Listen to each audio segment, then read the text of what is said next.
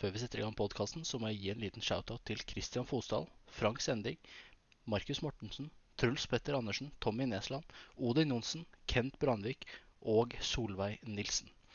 Tusen takk for at dere støtter oss med litt ekstra i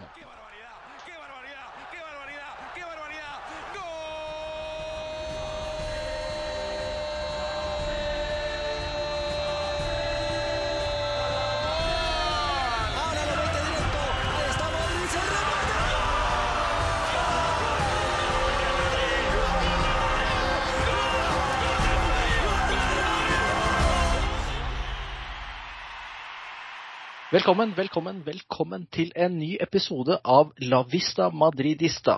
Jeg har med meg Martin som vanlig. Si hallo, Martin. Hola. Men jeg har også igjen byttet ut hiva med Ruben. Si hallo, Ruben. Hallo, hallo. Ja, i dag eh, starter vi jo med eh, Real Madrid, Real Betis på Santiago Bernabeu 0-0, Martin. Ja, eh, 0-0 kveldskamp, og de aller fleste hadde jo en god magefølelse da man gikk inn i kampen her til den oppvisninga man hadde sett mot Leganes i midtuka. Men det ble et aldri sitt antiklimaks. Jeg syns Real Madrid startet kampen veldig veldig godt, og de fikk jo da en tidlig skåring annullert eh, for en hårfin offside på Eden Hazard. Eh, kompisen min han sa at eh, hadde Hazard spart seg for en eller to belgiske vafler, så hadde det vært onside. For det var, det var ikke mange centimeter om, om sånn millimeterne han var i offside, men offside var det, så det er sånn at det er greit nok at den ble annullert.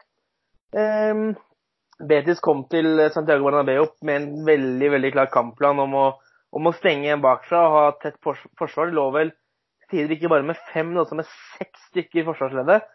Eh, og så lot de egentlig Nabil Fekir og Lauren Moron slash Borja Iglesias ta seg av det offensive. Så Real hadde en mur de måtte bryte ned. og Los Blancos kom til noen fine sjanser, men den ballen ville bare ikke nettet. Du hadde Joel Robles som hadde noen fantastiske redninger. Og det var en sånn klassisk kveld hvor ja, det er skikkelig irriterende at Real Madrid ikke klarer å få med seg mer fra kampen her. Men det er ikke sånn som vi har sett eh, for mange ganger det siste året, med at Real Madrid møter opp og blir rundspilt. For her styrer Real Madrid nesten absolutt hele kampen. De presser på, de har sjanser, de har muligheter. Og det er slett bare marginer og en veldig veldig god keeper som hindrer dem. Så det er sånn du sitter, men Det er kjipt, men det er ikke sånn, jeg ble ikke sånn skuffa som jeg har, en sånn skuffelse jeg har kjent på veldig veldig mye de siste, siste året. da. Men som sagt, 0-0 mot Betis. I tillegg, da både Barcelona og Atletico Madrid hadde tapt poeng eh, i, i, runden, i løpet av runden, så veldig, veldig surt. Men ett poeng er bedre enn null, i det minste. Jeg satt med en sånn déjà vu fra kampen for nå to sesonger siden, hvor det var veldig, veldig likt. Og da var det jo um, Antonio Sanabria som eh, dukket opp på overtid og stanget inn 0-1. Jeg satt og tenkte at det her kommer til å ende med 0-1, men det hevder heldigvis ikke. Så ett poeng i det minste, men skulle jo aller helst hatt det. Hvis man, eh, hvis man skal eh, Hvis man blir stilt spørsmål om eh, ja, Kan du kort oppsummere denne kampen? Det jeg ville gjort da, er å lagt fram et lite videoklipp. Jeg tror det er Ramos og Varan som står, står nesten på målstreken med ballen. Ramos prøver vel på en hælflikk, og Varan skyter den via en spiller og ut. Veldig godt oppsummert. Veldig marginer imot. Men Ruben, målløs kamp. Burde det egentlig vært ett eller to mål? Eh, og da tenker jeg at vi var snytt for to straffer. Å ja, å, den, eh, spesielt den ene blir jo veldig omdiskutert. Det er jo den hands-situasjonen. Og den, Mm. den syns jeg er veldig vanskelig. altså. Hands er jo alltid vanskelig, og det, det er jo ingen som klarer å komme frem til noen fasit der. Men det var jo spesielt den Kanskje som kom på med en gang den andre straffesituasjonen du snakker om, men i hvert fall den ene handsen, da. Da er det jo den BT-spilleren faller jo 100% naturlig, og så tar seg for, og ballen treffer armen. Men ballen er på vei inn i farlig område i 16-meteren. Så da er spørsmålet da eh, Ja, jeg hørte faktisk gjennom podkasten, podcasten, eh, forrige podkast dere hadde på vei ned her, og da Martin er jo eh, dommergutt, dommerekspert. ja. Så jeg vet ikke hva du tenker om det, Martin. Nei, jeg satt og som jeg så kampen med en kompis, og når jeg først så Hensen i, kall det, i vanlig fart, tenkte jeg at det her, er, det her er ikke straffe. Men så ser man jo selvfølgelig det her i slow motion, og da ser jo alt mye, mye, mye verre ut enn det det egentlig er. Og da tenker jeg at det her må være straffe. Eh, og det begrunnet jeg der og da med at den hånda, den går under ryggen. Den går ikke på sida av kroppen. tenkte jeg, Det her er ikke naturlig posisjon, men når man tenker over det, så får du jo ikke sklidd nedover uten å ha hånd bak som støtter opp. Eh, Så det nuller sånn som hverandre ut. Det som gjør meg forvirra, det er eh, måten man har praktisert handsregelen i Spania Mm. ikke siste sesongen eller sesongen her, men de siste årene. Eh, og da har det gjerne vært sånn at all kontakt, ball, hånd innen 16-meteren, straffe. Ferdig. Ja. Null, null eh, uenighet der. Sånn har skulle vært. Eh, og så har du også det her med intensjon. Der, det kan vi bare legge dødt, for her var ingen intensjon om å ta ballen med hånda. Så har det det om å gjøre deg større. Det gjør han heller ikke, fordi at det er en naturlig posisjon. Men så er det også det å dra fordel av armens posisjon. Og så er det noe som heter at du må ta konsekvens av hvor du har armen din. Uh, og det, her, det som er det her veldig vanskelig, er at hands-regelen selv er veldig kompleks. Den er vanskelig å forstå seg på. Uh, jeg skal ikke si at jeg har 100 kontroll på den selv engang, og jeg jobber, jeg jobber med det her. i anførselstegn. Eh, I tillegg så har du det med at det praktis, praktiseres forskjellig fra land til land, liga til liga. Nesten gjerne i dommer til dommer også. Jeg tror at hadde dommeren her blåst straffe, så hadde det ikke var eh, gjort noe med det. Det er jeg ganske sikker på. Det hadde ikke vært noe opplagt feil. Ja. Eh, nei, jeg, jeg tror ikke det man hadde tatt det som en opplagt feil, nei. På Men Martin, måte kan jeg bare, kan jeg bare spørre, for at uh, du sier jo det med VAR, ja, de hadde ikke gjort om sånn, men, men det jeg syns alltid skjer, det er når de ser en potensiell straffesituasjon om igjen, og det er hands involvert. Altså, så er det nesten sånn at hver gang han treffer armen, så ender de opp med å gi straffe. Og hver gang dommeren løper ned til den skjermen, og ballen har truffet armen, så blåser han straffe. Så da skjønner jeg ikke helt hvorfor det ikke blir gjort her. Det er det jeg vil gjøre med deg Jeg syns det er vanskelig, fordi at du har forskjellige praktiseringer på det her. Som sagt, fra land til land, dommer til dommer, nesten runde til runde. Nå har jo heldigvis Spania og La Liga vært bedre på det her enn eksempelvis Premier League. Men jeg syns det er en veldig veldig vanskelig situasjon. eh, Og jeg syns det er litt rart at uh, dommeren ikke ble i det minste anbefalt å se på skjerm. Mm. Men jeg tror Jeg har lest og hørt litt om hvordan uh, kalles det psykiske rundt det her med VAR. da. Og hvis man tenker med seg selv, hvis du er helt sikker på Og det, det, kan, man, jeg kan jeg si av egen erfaring. I en sånn kamp så er du helt sikker en eller annen veien. Det er svart-hvitt. Og det er ikke sikkert det går på hva du ser, men det går på en magefølelse. Så her er dommeren bombesikker på at det ikke er straffespark. Nesten helt sikker at det er sånn han tenker. Og når du da får beskjeden på øret om at den her bør du ta en titt på, da får du sånn usikkerhet med en gang om Tok jeg feil? Da- må jeg tatt feil, ellers hadde han ikke snakket til meg. Og da går han inn til den skjermen med et kall det blikk på at her må jeg lete etter noe som rettferdiggjør at jeg kan si jeg gjorde feil, derfor endrer jeg hva jeg har gjort. Jeg endrer på min beslutning. Det er sånn jeg har kallet Det bildet jeg dannet meg, bare det jeg har lest, og mye av det er jo rent spekulativt, for ingen dommere som har brukt VAR, har på en måte lagt opp og kunnet uttale seg om sine erfaringer om det her. For alt sånt av dom, dommere sin egen oppfatning av VAR, det holdes jo veldig sånn Man har kortet sett i brystet, da. Og det er jo veldig nytt er. England eller Spania, uansett, så er det her egen intern eh, evaluering. De gir ikke noe av det her ut. De har jo enkelte ganger her vist kommunikasjonen mellom eh, kampdommer og VAR-dommer. Det ble jo nesten gjort latter, latterliggjort da Venezia Junior ble snitt for straffe forrige sesong. Mm. Hvor det da var en Todo Bien og José Luis. Den, den brukes jo fortsatt bare for å måtte rettferdiggjøre da, det at folk mener det ble snitt for straffespark her.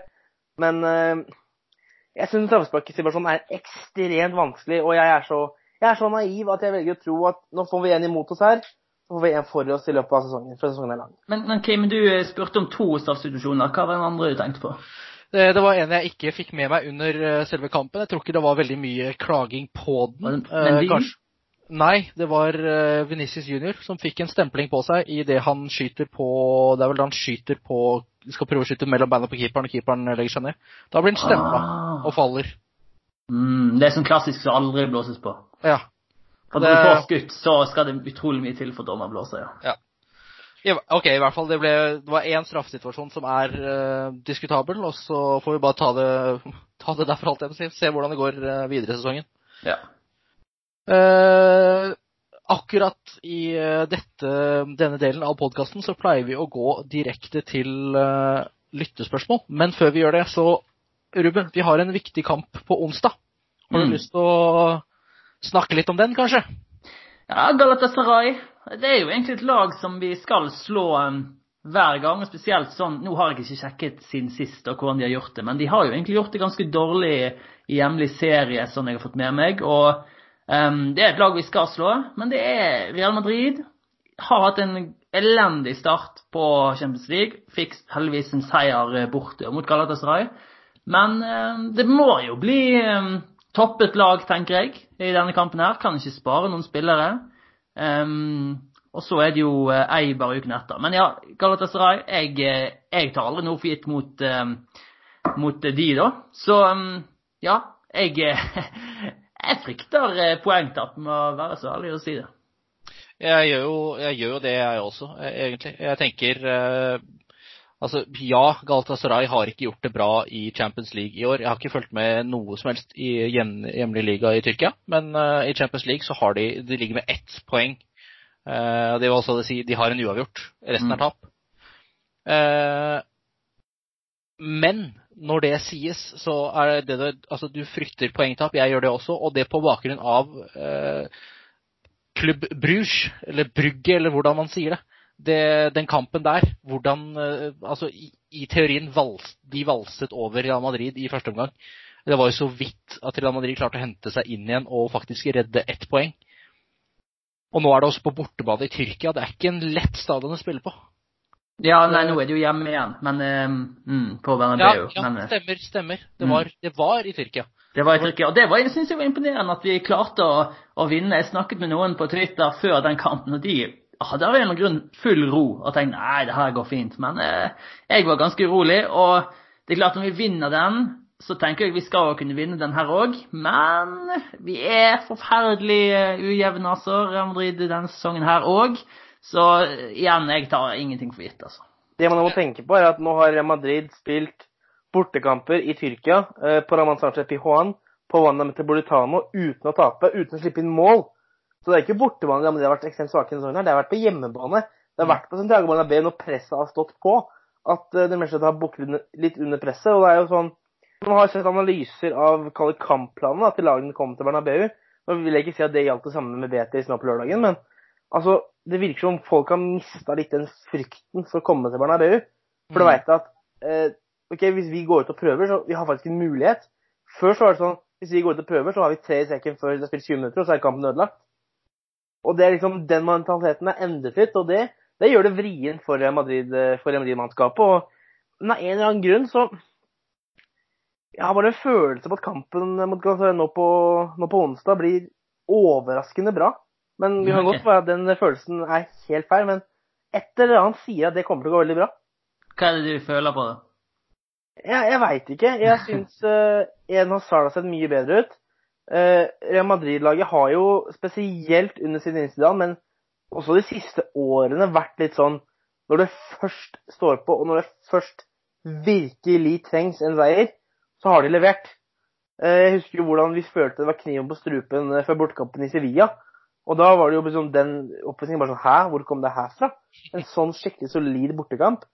Eh, så hadde liksom hjemmekamp med Leganes, Leganes som slo ut Real Madrid i Copa del Rey for noen sesonger siden. Som har skapt trøbbel for Real Madrid før. Som er, de slo Barcelona forrige sesong, selv om de riktignok ligger i nedrykkssumpa. Og 5-0 så er det sånn Hæ? Så Jeg vet ikke hvorfor, men jeg har bare en, en ganske god følelse ved Galatasaray-kampen. Og det er jo en kamp som Real Madrid skal vinne ti av ti ganger, sånn egentlig. Kan jeg bare skyte inn en eh, Jeg håper ikke det her er den fun facten du har tenkt å ta, Martin. Og nå har jeg Jeg prøvde å, jeg prøvde å finne en kjapp nå mens du snakket, men jeg, jeg klarte ikke det da. Men Real Madrid har ikke vunnet tre kamper på rad på helt usannsynlig lenge. Jeg lurer på om det var ett og et halvt år. Tre kamper på rad med seier. Det, De har, ikke, de har i hvert fall ikke fått til tre kamper på rad under Zinedine Zidane siden han kom tilbake. Og Nei. basert på hvordan ting utartet seg i historikken, så tror jeg heller ikke gjorde det under verken eh, Solari eller Lopetegi. Men eh, det er nok en god stund siden, og det, det er varslet. Det er veldig, veldig skummelt. Men eh, det, det sier litt om vi vet aldri hva som kommer i den neste kampen. Det kan være en kjempekamp, men det kan være en katastrofal kamp òg. Ok. Eh, da har vi eh, jeg, må, jeg må helt ærlig innrømme at jeg trodde det var Galatasaray i Real Madrid at vi spilte borte. Men uh, i og med at det ikke er bortekamp, så ja, jeg burde, jeg burde jo egentlig, med tanke på det dere nevner om at det er på hjemmebane Real Madrid har slitt denne sesongen, så burde jeg egentlig ikke føle det jeg føler. Men jeg har et litt større håp nå enn det jeg hadde før episoden startet. Det skal jo være lettere med hjemmebane. Altså, jeg, jeg står fortsatt på det. Hvis jeg får velge mellom å spille mot Galatasaray hjemme eller borte, så velger jeg Bernabeu, altså. Mm. Det er jeg helt enig i. Da kan vi gå videre til eh, den delen vi eh, bruker lengst tid på, og det er lyttespørsmål. Eh, og da kan vi først starte med Olaf Birkeland, som har stilt spørsmålet Hva er planen rundt Mariano? Virker helt glemt bort av Zidane. Hvem har lyst til å starte den? Ruben? Jeg kan begynne på Ja. den, fordi at jeg husker det var et intervju med Mariano som kom ut var det slutten av mai, starten av juni. Det var i hvert fall i forkant av denne sesongen her. Hvor han var sånn derre Dette året skal bli mitt år. Nå skulle han virkelig, virkelig få seg gjennombrudd i Madrid. Og det var ikke aktuelt for han å gå til en annen klubb, selv om han visste at eh, Zidane eh, jaktet offensive forsterkninger, bl.a. Jovic. Han skulle vise tilliten verdig, han skulle spille seg inn, og han skulle skåre mål. Og det har resultert i null kamper fra start, null kamper fra innbytter, null kamper på, eller én kamp på making, tror jeg. Og i hvert fall, det har vært totalt katastrofe for hans del. Null. Null skader. Det må nevnes. Han har ikke vært skada i det hele tatt. Han har blitt totalt vraket. Eh, det jeg syns er litt rart, det var at da Mariano gikk til Lyon, som da var i forkant av den siste sesongen til Zidane Zidane før han ga seg, så sa han at Zidane ville at han skulle bli. Zidane ønsket han i laget sitt som et alternativ på topp. Men at han måtte, måtte følge sine, sine egne følelser for å spille. Han jakta spilletid, og derfor kunne han ikke han bli i Real Madrid. Men jeg er ganske sikker på husker jeg at han da sa og skrev. Zidane ba meg bli. Eh, og så velger han nå å bli Real Madrid. Og nå skal visstnok Zidane Han skal ha sagt i sommer, da Du kommer ikke til å få noen muligheter. Jeg vil anbefale deg å dra. Men da skal Mariano ha sagt jeg vil bli, jeg vil kjempe på plassen, jeg vil vise meg tilliten verdig. Jeg skal vinne din tillit. Og det har jo selvfølgelig ikke fungert. Og nå går det også ryktene om at i januar så er det to spillere som kommer til å forsvinne. Det er Mariano og det er Brahim Diaz. Mariano vil bli solgt, mens Brahim Diaz vil bli lånt ut. Og dette skal begge to være informert om. Og jeg tror planen til Zidane når det kommer til Mariano, er å ikke spille han så fram til han ikke absolutt må gjøre det. Og så selger han ham januar.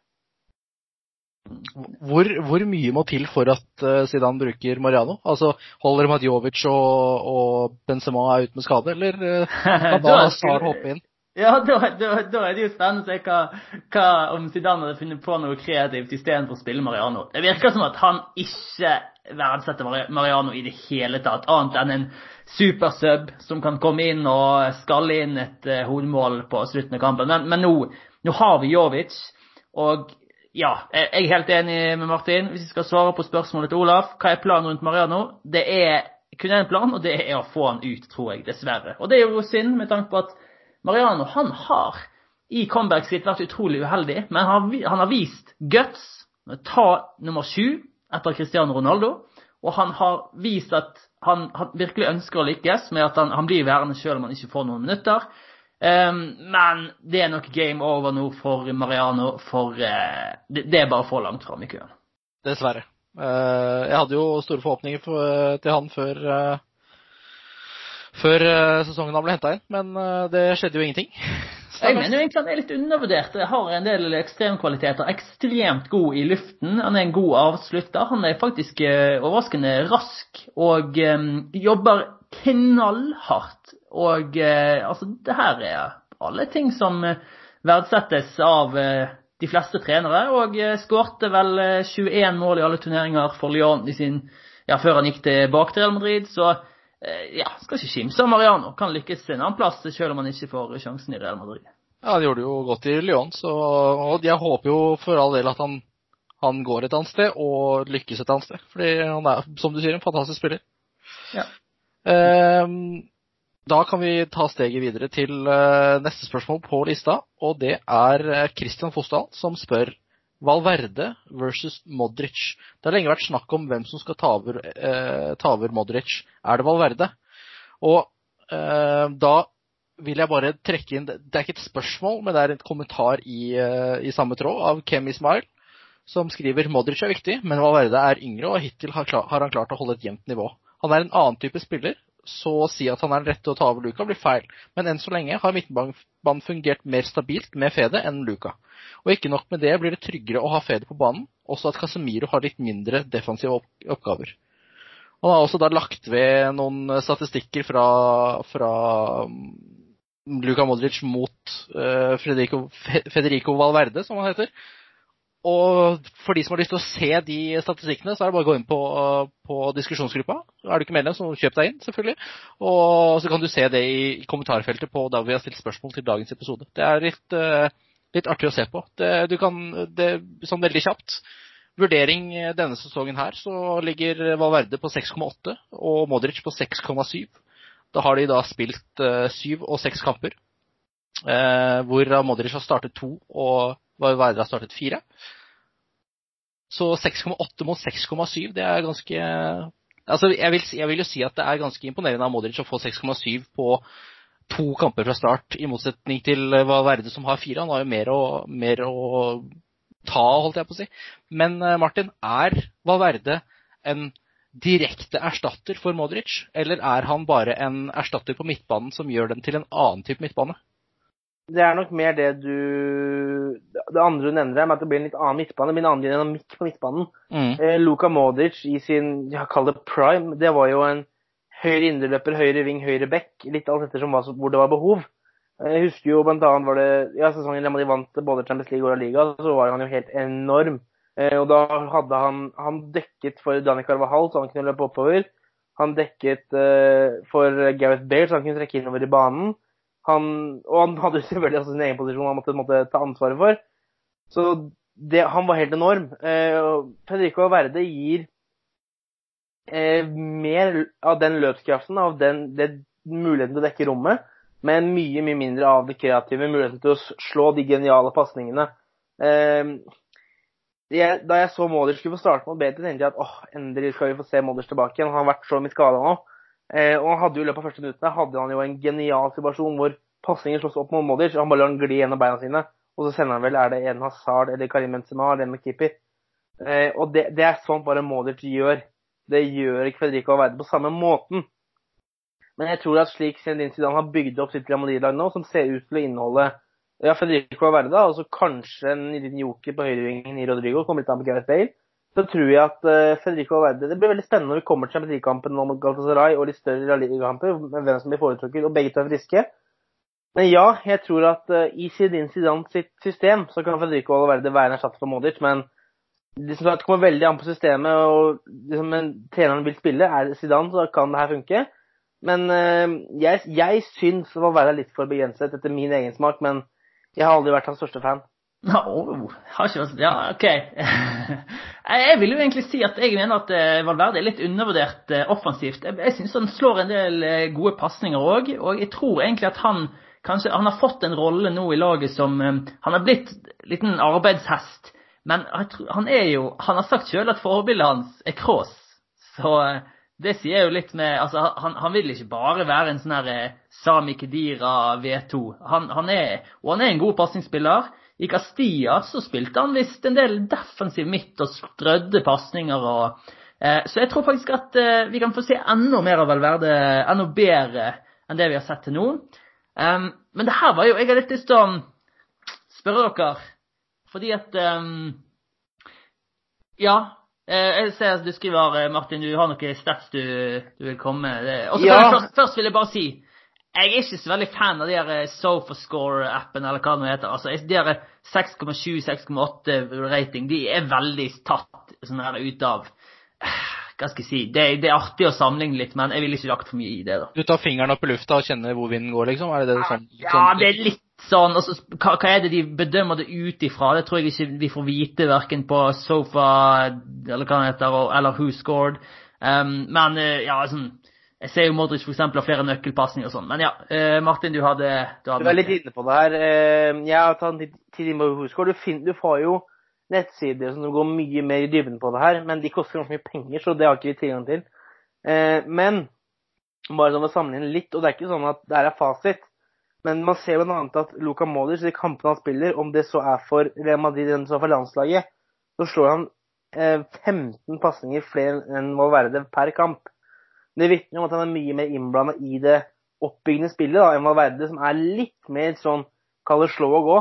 Men jeg må også, også si at Valverde har overraska meg positivt hva angår pasningsspillet hans.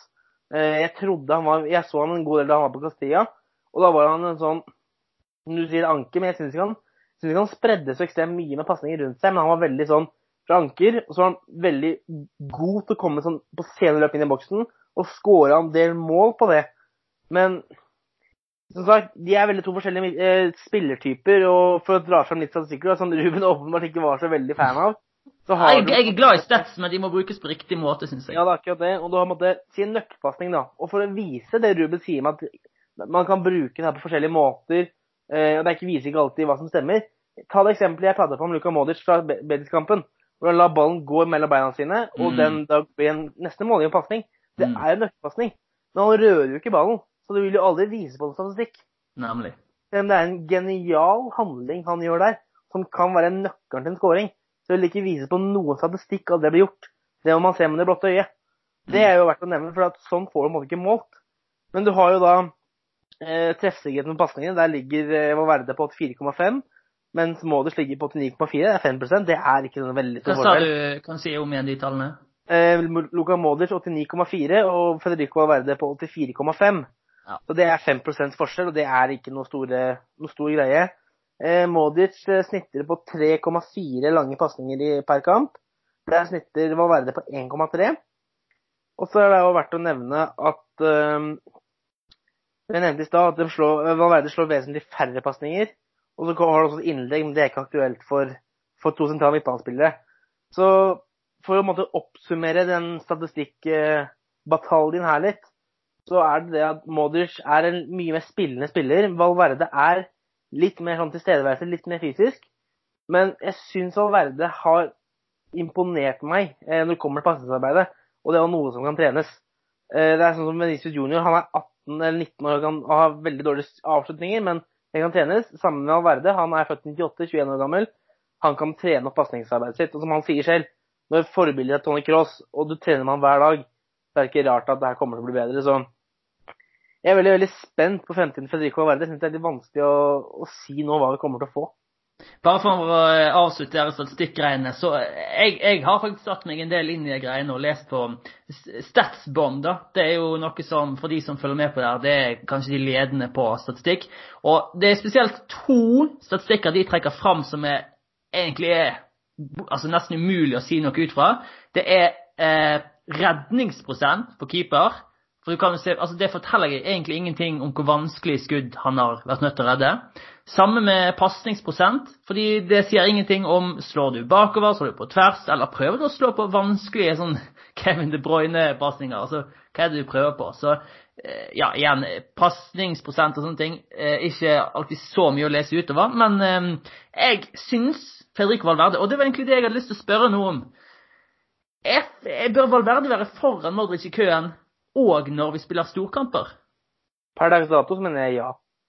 Ja, hva syns du, Kim, om det? da? Sesongen, eh, den, eh, denne sesongen her, eh, det jeg har sett av Modric Han har jo ikke spilt så fryktelig mye, men jeg mener også ja. Jeg mener sånn på grunnlag av at Federico Verde han har bevist at han hadde taklet presset når han har fått muligheten. Eh, Luka Modric har ikke fått den muligheten fordi han har vært skadet. Og det er en konsekvens da. Er du skada, og noen som, den som kommer inn for deg, spiller bra, da mister du plassen din. Og det syns jeg bør gjelde for Valverde. Jeg synes at Skulle vi spilt klassegå i morgen, så ville jeg sett Valverde på midten istedenfor Luka Modric.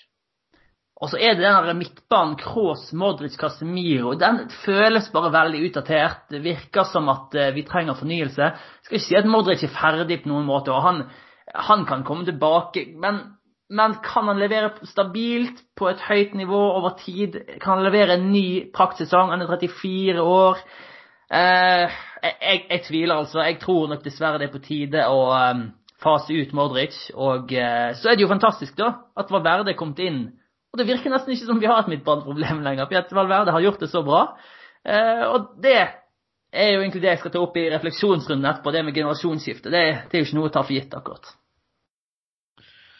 Vi eh, kan egentlig da gå videre på neste spørsmål, eh, og det kan vi besvare veldig kort. Fordi eh, jeg er ganske sikker på at vi gikk gjennom det forrige episode, eller episoden før der igjen. Og det er Sayed Josef Lutfi som spør om vår beste elver om dagen.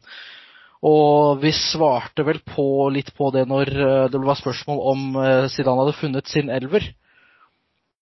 Men om noen vil ta litt kort om akkurat det, så er det bare å spytte ut. Ja, for den, bare... vi hadde, bare for å si det først, jeg og uh, ja, Var det Shayan Christian et eller annet Vi hadde um, en episode der vi tok Ja, det var oss tre. Der vi tok masse elvere. Da tok vi òg eh, beste nåværende elver, da. Men vi kan jo ta en kjapp en eh, gjennomgang likevel. Eh, hvis du vil begynne, Martin, kanskje? Jeg, som sagt, eh, nå har jeg allerede gått ut ifra i hodet mitt at Classico er i morgen. Og med tanke på hvis Skal vi si at alle er skadefrie og Classico er i morgen, så tror jeg Zidane ville gått for Courtois. Marcelo, Ramos, Varan, Carvajal, den klassiske der. Casemiro, To- Tony Cross, Federico Valverde. Eden Hazard, Karim Benzema, og så er jeg litt usikker på den sisteplassen. Eh, nå har Gareth Bale vært ute med skade. Eh, Rodrigo har vært god når han får muligheten. Du har òg en James Rodriguez som også sliter med muskelproblemer. Men hvem han hadde foretrukket på høyrekanten, det er egentlig det eneste jeg ser på som usikkert og vanskelig å si. Hvis man skulle spilt eh, en sesongdefinerende kamp i morgen. Ja. Nei, Jeg er helt enig i den elveren der. Per status så er jo Rodrigo den som er mest aktuell. Men eh, når Bale kommer tilbake, så skal jo egentlig Gareth Bale være en bedre spiller på papiret. Men eh, Rodrigo, også. Han, eh, han er inne i varmen før de fleste hadde tenkt, tror jeg. Så det, det er jo gledelig å se. Jeg tror jeg ble, det tok kortere tid for, for å bli imponert over Rodrigo enn Vinicius.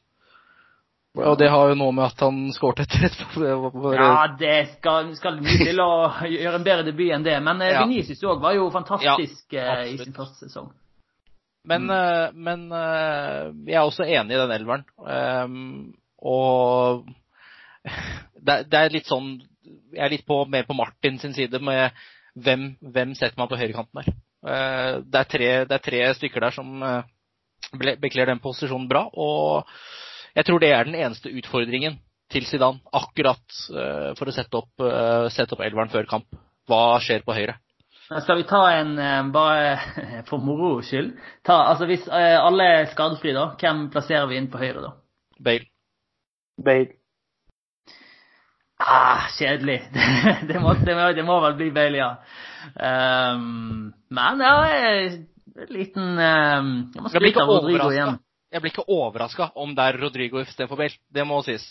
Nei, det, er nok, det er nok Bale, altså. Men, eh, men Rodrigo eh, har levert inn en bra søknad, ja. Mm. Jeg syns Gareth Bale har vært eh, overraskende god når han først har fått muligheten denne sesongen her. Ja. Eh, nå har han jo da selvfølgelig da nytt muskelproblem, hvem skulle tro. Så det blir jo spennende å se når han kommer tilbake, hvordan eh, han er da.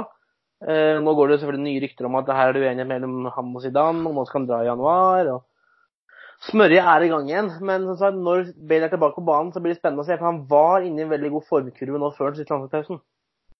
Så er jo Lukas Vaskes helt ute. Det er jo litt interessant. Han driver og tar sprinttreninger, intervalltrening på Bernabeu etter kampsluttet, kampslutt og sånn, så jeg. Eh, Jeg så trodde har det var spøk. Nei, det er faktisk sant. Jeg, jeg satt og så på Real Madrid-TV etter eh, kampslutt. Og eh, da viste de Lucas Vasques i lag med en av de fysiske trenerne som tok intervaller. Klokken 23.23 husker jeg eh, ja, klokken viste. Det, det sier jo Lucas Vasques, vi kan si mye om han, men at han har gitt alt for Real Madrid, det er det jo i hvert fall ingen tvil om. Det har aldri vært noe problem med innstillingen hans. Det er jo bare det at sånn, kvalitetsmessig så har han aldri vært helt på topp. Og så nå, spesielt nå så har vi så mange bedre alternativer. Men eh, interessant å se at han kanskje virker å på en måte skal ikke falle i unåde av Zidane, men at eh, han rett og slett faller lenger og lenger bak i køen. Det skal sies at det er ikke så fryktelig uvanlig at spillerne som ikke blir brukt i kamper, gjør det her etter kamper. Nei, det er sant. Eh, blant annet da vi var på Ullevål, eh, Kim, da var vi begge, begge der, og da så jeg etter kampen at det spanske landslaget delte en video. Da var det annet Tiago og de gutta som ikke spilte, som hadde løpetrening. Mm. Det er ikke så veldig uvanlig, men det er selvfølgelig positivt at de gjør det. For det, jeg tror ikke alle gjør det. Jeg tror det er litt sånn individuelt om de vil eller ikke, fordi at kampen er over, og de har jo ikke da trening klokka 11 om kvelden. Og spesielt så seint, ja. Men kan det være fordi at de har en litt begrenset trening på kampdag, og hvis man ikke får Mm. da kamp, kamptrening, altså hvis man ikke da får bli med i kampen, så, så opprettholder man uh, rytmen ved å da kjøre litt intervaller etter? Jeg tror det er det. Og så tror jeg òg, som Martin sier, at eh, det, det er ikke en selvfølge at eh, alle gjør det. Lukas var den eneste som gjorde det da jeg så på. eh, Så han var vel ikke den eneste som hadde muligheten, men han gjorde det. Og det, ja Vi får se da om han, eh, hvor mange minutter han får resten av sesongen. Men eh, han, han virker i hvert fall å være bak Rodrigo og Venicius i køen, og Bale. Så da er det vel bare Brahim han er foran, da, kanskje. Jeg vet ikke om han får han der engang, jeg. Men eh, forhåpentligvis ikke. Vi eh, går videre til eh, vår trofaste spørsmålsstiller Carl Arne. Mm. Selv når vi, eh, vi taper poeng, tar vi innpå Barcelona. Litt deilig, eller bare frustrerende? Og Da vil jeg starte med å si at det er ekstremt frustrerende å bare ta innpå.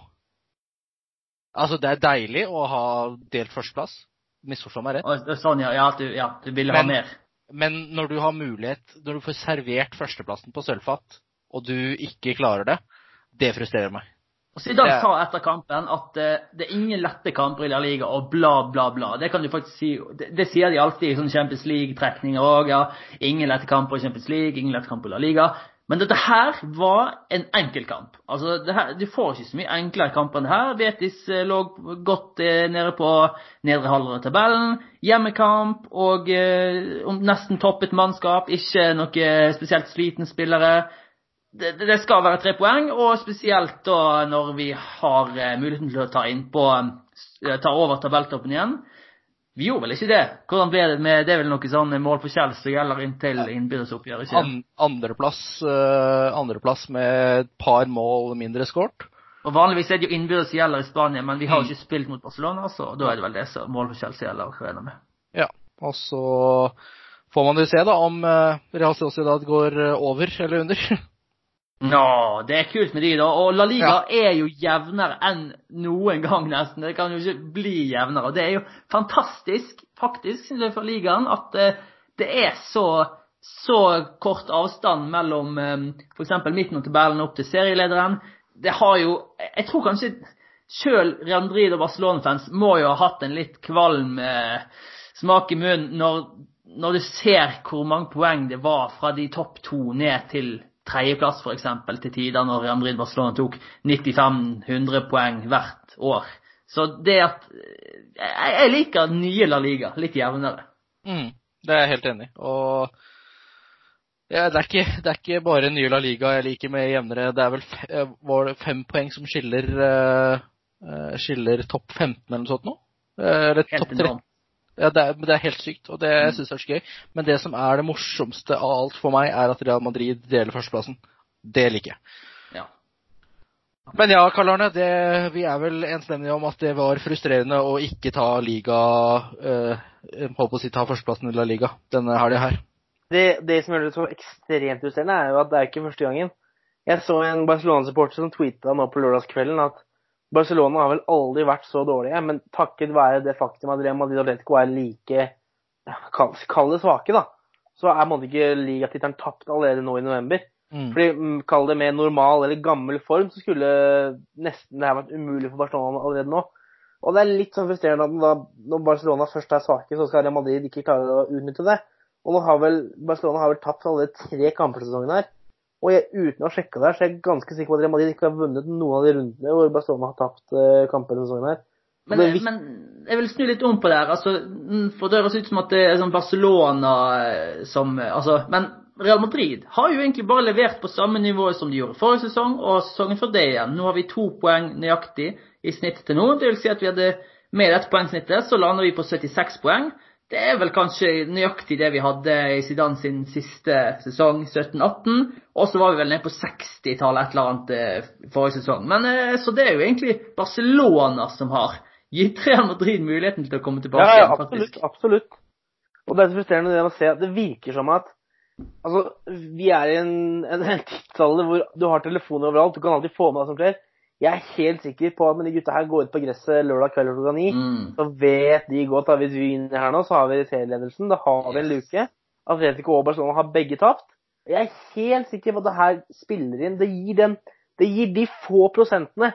Om du kan kalle det press, om du kan kalle det nerver, jeg vet ikke skal kalle det for noe, men de få, få, få, få prosentene som gjør det at det blir som blokk. Og det, jeg, det er så lenge siden jeg, jeg vet at Atletico og Barcelona har tapt, og Real Madrid har vunnet. og jeg sånn der, åh, det her var en bra helg. Det føler jeg er som, det er en evighet siden, føles det ut som. Mm. Bare for å spytte inn der, så spilte Atletico uavgjort. Ja. Kan jeg bare få lese opp eh, kjapt eh, altså sånn poeng fra topp til bunn uten å nevne lagnavn, da? Så er det jo altså Førsteplass 22, og så ja, bare sånn 22, 22, 22. 21, 21, 20, 19, 18, 18, 17, 17, 17, 17. 15. Det er fra første til 14. plass. Det er faktisk sju poeng fra Eibar fra 14. opp til Barcelona, Real Madrid, og Sociedad som deler ja, så har likt antall poeng i toppen. Så det er Ja, jeg digger det. Det er Nei, igjen, fantastisk for La Liga. Altså. Hvor, hvor gøy ikke at du går inn i hver kamp, og alt kan skje. Nå er til og med Real Sociedad Jeg skal ikke, skal ikke Jeg vet ikke hvor langt vi skal strekke det, men de spiller fantastisk fotball. Spennende å se hvor lenge de holder. Og Hvis du går tilbake til sånn f.eks. 2006-2007, da, så er det jo mange som husker den dramatiske serieavslutningen. Da må ikke vi glemme at det var ikke bare Barcelona og Real Madrid som gikk inn i den siste serierunden og kunne vinne serien. Det var òg Sevilla. Så ja. eh, Og tidligere har jo Deportivo vunnet ligaen, så det hadde vært litt gøy å komme tilbake til Litt frustrerende òg for oss Real Madrid-fans, kanskje, men eh, en, en jevn liga, det tror jeg er bare bra for interessen for ligaen. Hvis ett lag skal vinne La Liga, og det ikke er Real Madrid, så er det Real Sociedad. Det Ja, absolutt. Og nå, nå, nå har jeg litt for mye å komme med når jeg ser på tabellen her, men bare helt kjapt. Eh, Real Madrid har spilt elleve kamper, sluppet inn bare ni mål. Det er jo faktisk eh, noe å ta med seg. Det er ikke vanlig for Real Madrid å slippe, under, slippe inn under ett mål i snitt kamp. Kom, kommer litt tilbake til den eh, litt senere i spørs spørsmålsrunden. Eh, Ok. Akkurat den der. Yeah. Uh, neste er Morten Olsen, som har én én, to, tre, fire spørsmål. Eh, og da kan vi starte med Ja, fem spørsmål kan vi si, da. Real Madrid har som kjent plagdes hjemme mot Betis tre år på rad nå. Burde Zidane tatt med denne i den taktiske vurderingen? Og burde da f.eks. Marcelo Varverde og Jovic få startet mot Betis? Jeg mener nei, fordi at eh, Du kan nevne at det her er ikke min, uh, min funfact, for den er egentlig ikke så veldig morsom om de denne uka her, men Betis er det eneste laget som har hatt tre kamper på rad som Diago Bernabeu gjennom tidene, Mm. hvor de har holdt nullen. Mm. Eh, det var en 0-1-seier i 2017-18-sesongen, eh, 0-2-seier eh, i i 18-19-sesongen, og da 0-0 nå. Eh, Den 17-18-kampen, da var det som jeg nevnte tidligere i episoden, med at da kjørte Real Madrid absolutt hele kampen, og det var en heldig, men dyktig scoring helt, helt på slutten av kampen. Og det er som den, ja. gjorde at, uh, at Betis vant. Uh, veldig litt kampbilde som det vi så nå på lørdag. Uh, kampen som ble spilt forrige sesong, som undertegnede var på, så var det Real Madrid helt blottet for selvtillit. De ville bare at den kampen skulle bli ferdig. Det var siste serierunde. Det var riktignok hjemme på Santiago Bernabeu. Det var siste kamp. Det var slutten på en katastrofesesong. Og det, det lyste opp ifra de gikk ut på banen for å varme opp at det her ville de ikke spille. Og da Betis, som ikke hadde så veldig mye å spille for, men eh, jeg tror at spillerne spilte litt for at igjen skulle fortsette. De, de var mye bedre, og de ville noe. Og da var det også en litt hevnlystne José Rodriguez som også kom tilbake til eh, sin gamle lekegrind og skåra. Så da har de det utgangspunktet, og så hadde de da kampen nå på lørdag, hvor de igjen kjørte kampen så til de grader og hadde litt utur med at de ikke vant. Jeg men, men det... eh, kan jeg bare spørre, Morten spør jo da altså, altså Real Madrid har plagdes, Nå nevner jo alle kampene vi har, eh, vi har røket mot Betis, da. Men eh, eh, burde Zidane tatt det med i den taktiske vurderingen? Og så sier han f.eks. at vi må starte med Valverde og Jovic. Eh, mener han da at de er bedre enn de alternativene vi brukte? Altså f.eks. Modric og Benzema, da?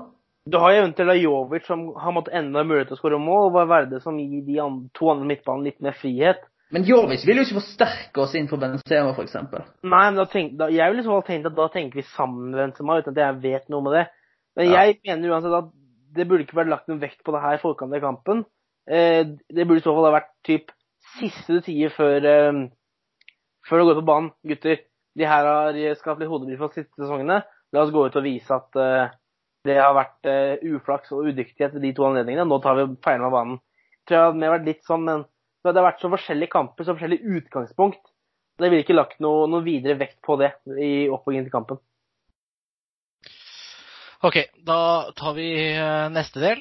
Hva tenker dere om at Kroos, Casemiro og Valverde versus Kroos, Casemiro og Modric? Kan det være at type spiller gjør at Kroos presterer bedre sammen med Valverde enn Modric, slik at Kroos får mer offensiv frihet?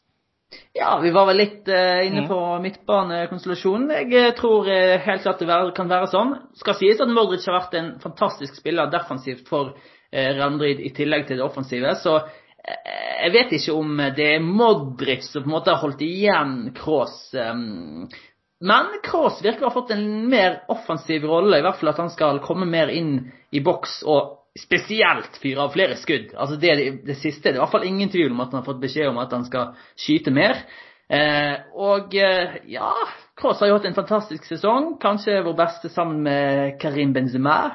Så mm, ja, i hvert fall veldig positiv sesong eh, fra Kroos til nå. Og så har vi vært inne på at vi vel ønsker Valverde fra start nå. Mm. Og så stiller han spørsmål om uh, Marcelo blant annet, fordi uh, det er en situasjon i kampen hvor uh, Men de har mulighet til å ja, når man ser på etterkant, avgjøre kampen. Første sjansen i kampen, kanskje? Ja. Marcelo ville kanskje, ville kanskje ha skåret alene med keeper. Er vi tjent med Mendis defensive ferdigheter versus Marcelos og Roberto Carlos offensive ferdigheter? Vi har hatt det i så mange år. Martin, du kan få svare på den. Ja, ok. Kanskje vi skal si det samme. Du kan si først. Bare før vi begynner der. Marcelo hadde aldri kommet til den sjansen. Ja, det var det jeg skulle si. Marcelo hadde aldri klart å Ja, nei, nei, nei. Han hadde løpt opp med en gang. Ja. ja, for det, Det var det snart ser man de komme i, unnskyld språket, hundre og helvete der. Ja. Og så trekker han seg unna. Fordi, men de er i toppfart. Marcelo, om han så hadde kommet i toppfart, hadde blitt løpt opp igjen med en gang. Enig. Da hadde Ja. sannsynligvis endt med at Hazard hadde tatt ballen, og da måtte begynne å spurte, og så ble løpt opp han også. Så da måtte det blitt at vi kunne bytte, gjort et bytte under kampen og kasta innpå Marcelo i kontringsangrepet ved siden av Mendy. Da Marcelo. I avslutningsøyeblikket kunne vi transformert Mendy til Marcelo. Da hadde kanskje Marcelo chippet han inn eller eller sånt. Men jeg, Helt men jeg syns det er et bra poeng han tar opp. Og, og jeg, det var noe jeg eh, bet meg merke i i løpet av kampen. At eh, jeg syns Mendy er veldig god defensivt, og uten tvil fantastisk fysisk. fysisk. Altså, det, det er liksom Han banker alle som kommer i skulderduell med han. Men eh, eh, teknisk eh, jeg vet ikke, jeg, altså. Det Altså, offensive bidrag fra backer er i den moderne fotballen så viktig nå. Er men de gode nok til det? Jeg er litt usikker, altså. Um, og Regilon, for eksempel, som nå gjør det bra i Sevilla, han mener jeg nok er litt bedre offensivt enn det jeg har sett av Mendy så langt. Så skal jeg sies at jeg så ingenting av Mendy i Lyon. Eh, Så det kan hende at han har mer å vise framover enn det jeg har sett til nå, men jeg har ikke vært imponert eh, fremover, da. Jeg er også enig i at han ikke har imponert noe stort fremover, men og jeg skal være helt ærlig med at jeg har ikke sett han så, så, så fryktelig mye i Lyon, men jeg er også veldig overbevist om at når man, jeg har lært med, med de som spiller til litt å kjenne, så var det ikke det kampklimaet som var mot Real Betis hans ideelle kampklima. da. Han, han trives mye bedre i kamper hvor det, hvor det er litt jevnt, hvor det blir litt mer rom, og han har mer rom å løpe, kanskje litt mer kontringer. Da tror jeg Mendy virkelig kommer til sin rett, og det var jo Ja. ingenting av det mot Betis. Det Men- skal tas litt med i betraktningen. Men det var én spiller i nøyaktig samme posisjon som fikk nøyaktig samme kritikk, og han ble skippet ut, som Shayan pleier å si. Og det er jo Theo Hernandez, som òg i Alaves var eh, strålende, faktisk. Eh, Da fikk han mye rom å løpe i, kontringer. I Real Madrid så, altså Real Madrid er et lag som har mye ball, spiller mot lag som legger seg dypt. Da vil det bli eh, mindre rom, og da må bare Mendy finne seg i at sånn blir kampbildet i de aller fleste kamper. Så da er jo spørsmålet er det bra nok? Er det, kan han være vår, eh, vårt førstevalg venstreback i fem år fremover, f.eks.? Samtidig, Theo Hernandez var jo ikke i nærheten av så god defensivt. Nei da, men, det men det var jo offensivt egentlig. Nei, OK. Theo Hernandez var ganske ræv begge veier, skal sies. Altså, men de har ekstremkvaliteter defensivt. ja. Eh, og så må vi håpe da, at å spille med Marcelo på treningsfeltet hver eneste dag, at, eh, at noe setter seg, at noe glipper litt over. ja. Men eh, vi må jo heller ikke glemme at de har vært ekstremt bortskjemt med å ha Jeg sier det her nå tidenes beste venstrevekk Mm. i Real Madrid Mm. siste årene. Eh, vi har vært veldig bortskjemt, og det er, ikke, det er ikke det vanlige, det er ikke standarden å ha det. Det må nevnes. Det er sant. Og før det igjen, så han var ikke så dårlig, han heller. Nei, Han var ganske brukbar, han vi hadde i av det òg. Mm. Så det, det, det, er fantastisk. Eh, Vi har vært, eh, som du sier, veldig bortskjemte. Men eh, Før, før, vi, før vi runder av på, med de ville bare, Nå tok jeg det negative, da. Men jeg syns det er, som Martin sier, utrolig deilig. Og, altså, nå har Vi hatt mange år med Marcelo, og det har vært strålende, det, altså. Men det har jo vært litt slit å hele tiden ha, altså, være litt nervøs for hva som skjer bak ryggen på han eh, defensivt. Jeg syns det er en lettelse å ha en venstreback som er knallgod eh, defensivt. Eh, blir det bare litt bedre, bare litt bedre offensivt, så, så blir det veldig bra. Så, og han er jo fortsatt ung òg. Det eneste problemet jeg tenker eh, Real Madrid sitter med, det, altså alle Real Madrid-supportere som forventer eh, litt for mye av den venstrebekken av at man har hatt Marcelo i så mange år, da, den offensive delen, og at man fokuserer så mye på det. Men det som også er viktig å tenke på, er det du nevner der. Den defensive delen den er ekstremt viktig, og der har ikke Marcelo vært kjempegod. Nei. Hadde ikke vært, Hvis ikke Salah hadde vært, eh, blitt skada i den Champions League-finalen, så tror jeg faktisk at det kunne gått riktig ille. Det ser litt stygt ut for den eh, refleksjonen min. Nå har et, eh, to tredjedeler blitt brukt opp allerede, så vi får se om siste tredjedelen overlever helt, helt inn. Men ja, du må bare ta den uansett. Nei, ja. Men det her var litt av det, da, at jeg syns det Ja, Marcelo, ja. Mm. Men OK. Vi var, var vel ferdig med den her nå. Ja, vi, eh, du skal få lov til å spare resten til refleksjonen din. Eh, når skåret Benzema sist mot en slik type motstander som vi sliter med å bryte ned, og hvor ofte skårer Benzema i slike kamper? Kanskje kunne Jovic passet bedre i sånn type kamp? Risikerer Jovic å bli atter en spiss i Real Madrid som svinner bort da Benzema prioriteres uansett?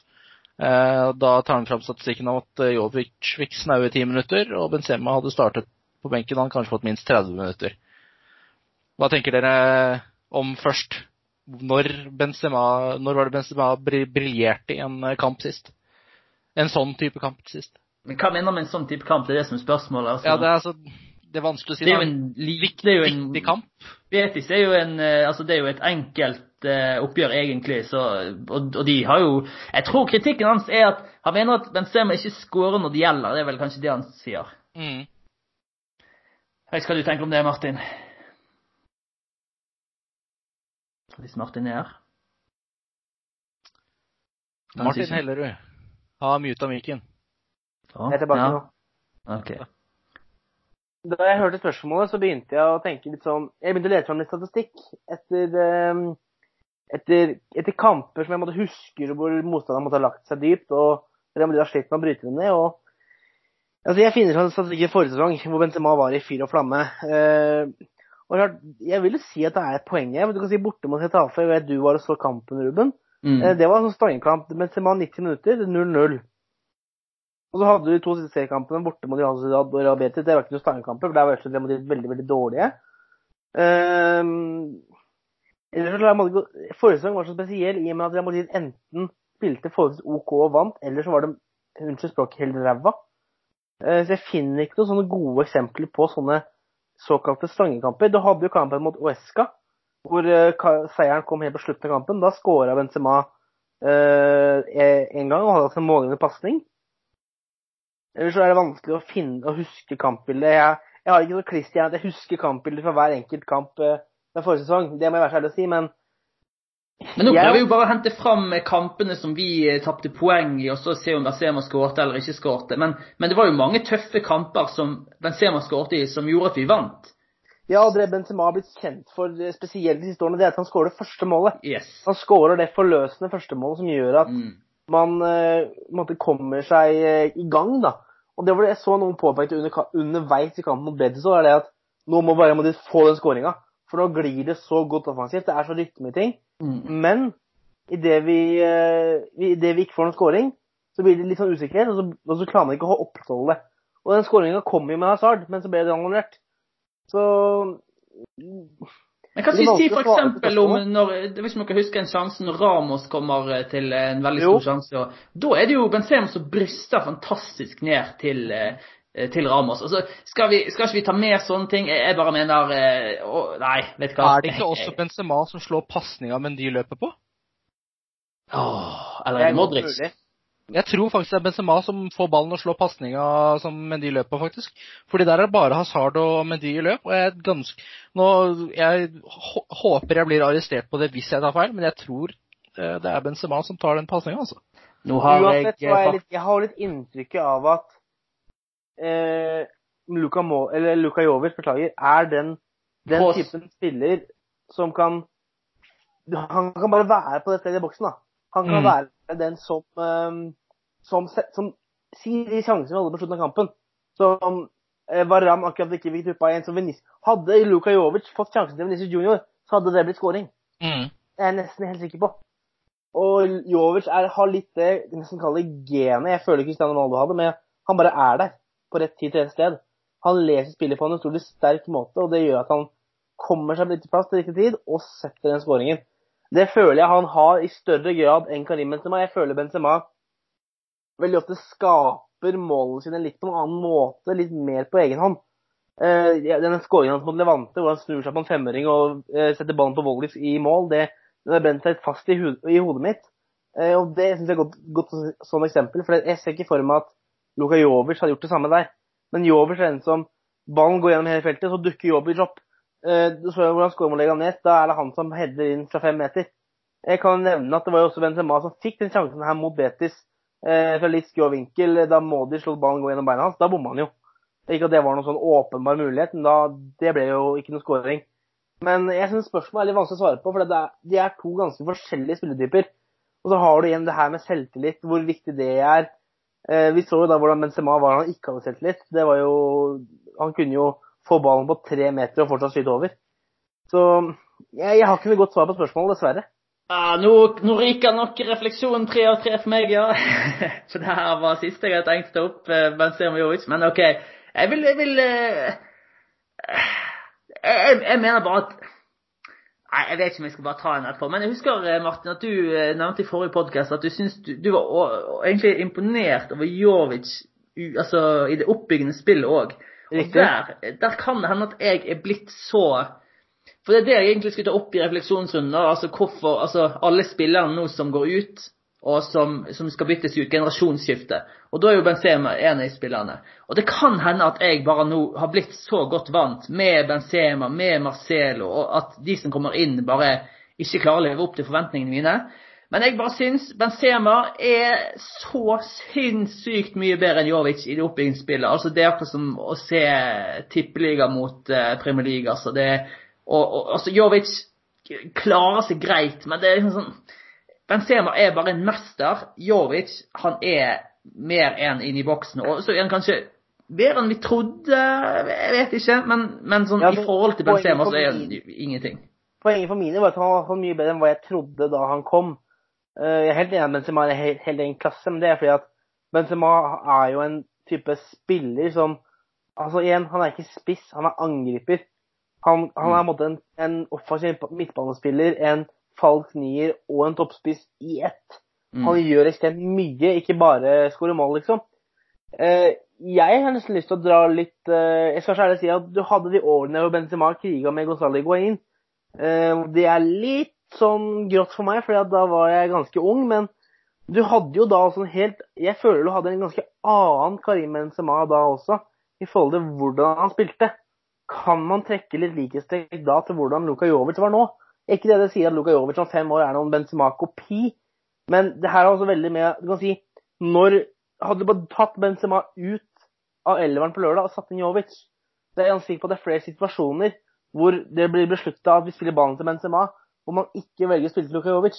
Fordi man har ikke spilt sammen på så lenge. Du har ikke den connection, du har ikke den tilliten men det går jo på at Jovic bare ikke er like god til å ta imot ballen med ryggen mot målet osv.